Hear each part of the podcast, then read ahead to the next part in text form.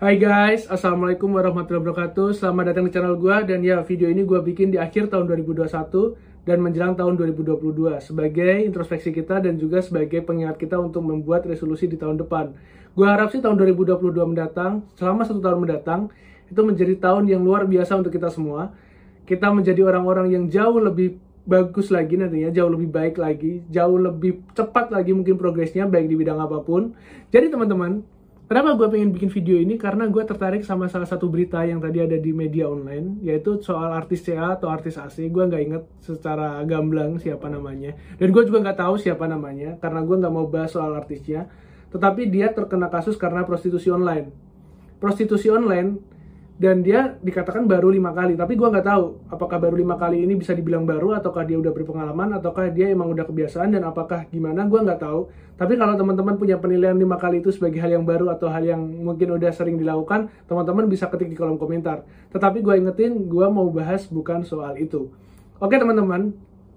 Yang pengen gue bahas adalah ketika dia bilang kalau misalnya alasan dia ngelakuin itu adalah karena kebutuhan ekonomi. Tapi sebentar, kebutuhan ekonomi, apakah benar-benar karena kebutuhan ekonomi ataukah sebenarnya karena keinginan ekonomi?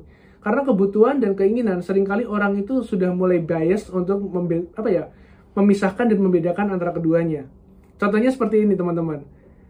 Uh, misalnya ada seseorang yang bilang, gue butuh kendaraan nih. Oke, okay, kendaraan adalah hal yang dibutuhkan tapi kendaraan itu kan banyak, teman-teman bisa bilang sepeda itu kendaraan, motor itu kendaraan, mobil itu kendaraan, truk, bus segala macam itu juga kendaraan. Sebenarnya yang dia butuhin itu apa?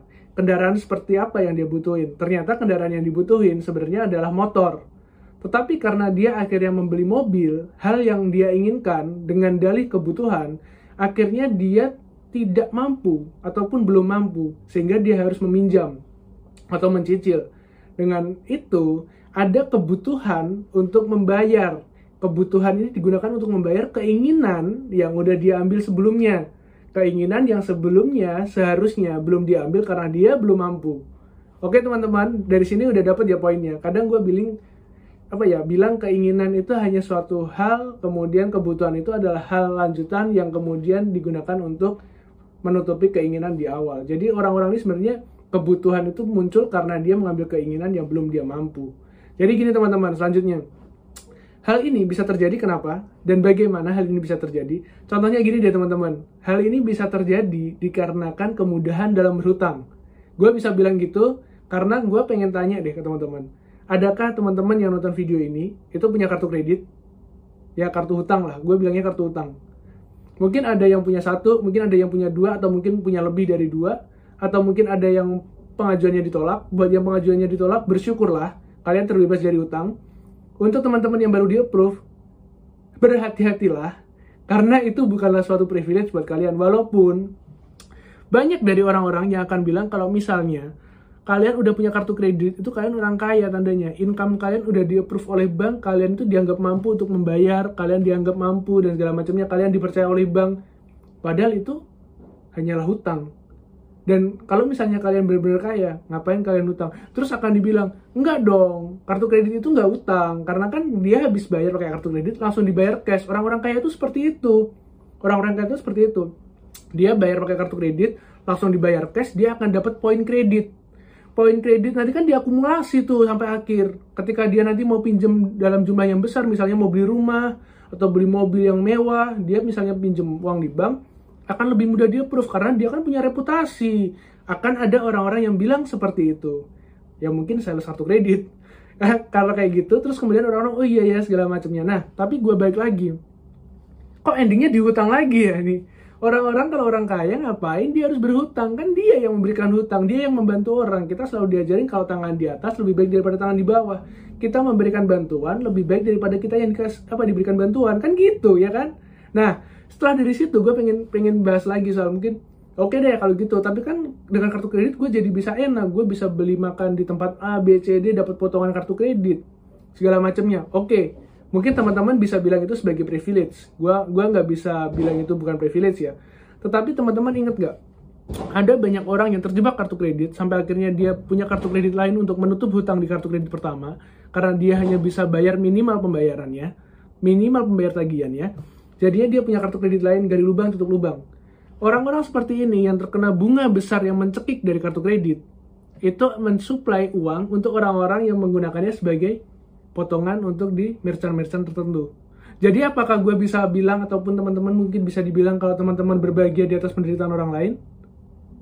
Gue nggak bilang kayak gitu, tapi apa apa emang iya begitu atau atau mungkin teman-teman setuju dengan pendapat ini? Karena kalau gue pikir ketika kita menggunakan itu dan akhirnya kita ya ya kita akhirnya mau menikmati keuntungan tapi di sisi lain ada orang-orang yang sebenarnya tidak bisa menikmati keuntungan itu karena terjebak akan janji-janji manis gitu loh. Gak apa-apa bunganya kecil segala macam tapi ternyata bunga yang kartu kredit itu besar banget apalagi kalau teman-teman narik untuk cash gitu. Gitu kan? Jadi teman-teman kadang gue mikir kenapa sih orang itu harus berhutang untuk hal-hal yang konsumtif dan bahkan untuk hal-hal yang mereka nggak butuh. Makanya tadi tadi gue bilang soal kebutuhan dan keinginan kartu kredit gue paling apa ya gue gue menghindari. Jujur sampai saat ini gue nggak pernah ditawarin kartu kredit gue nggak pernah apply kartu kredit dan gue pun nggak pengen punya kartu kredit karena anggapan gue orang-orang yang punya kartu kredit itu bukan orang yang kaya. Karena kalau orang yang kaya itu punyanya kartu debit tapi dia sebagai nasabah prioritas. Let's say misalnya gue di BNI nantinya gue pakai kartu BNI Emerald. Nah itulah itu orang yang punya duit gitu loh bukan orang-orang yang punya kartu kredit berjibun satu renteng isinya kartu kredit semua, bukan kayak gitu. Jadi teman-teman, di sini buat teman-teman mungkin yang masih berpikiran buat ya gue punya kartu kredit nih sekarang gue tinggal gesek sana sini gesek sana sini. Gue nggak perlu kepikiran walaupun gue mungkin belum gajian. Terus waktu gue gajian langsung gue bayar full dan segala macamnya mungkin teman-teman yang masih berpikiran kayak gitu mungkin itu nanti uh, suatu saat akan ada titik di mana teman-teman masuk ke lubang dan teman-teman baru sadar kalau itu merugikan jadi teman-teman di sini gue mau tegasin, buat tahun 2022 depan, teman-teman fokus ke kebutuhan, simpan, investasikan, singkirkan keinginan, dan suatu saat keinginan yang lebih besar akan tercapai karena teman-teman ngehold, menahan untuk menggapai keinginan-keinginan kecil. Karena apa? Banyak orang-orang yang gagal mencapai keinginan yang besar karena mereka sibuk dengan keinginan-keinginan yang kecil.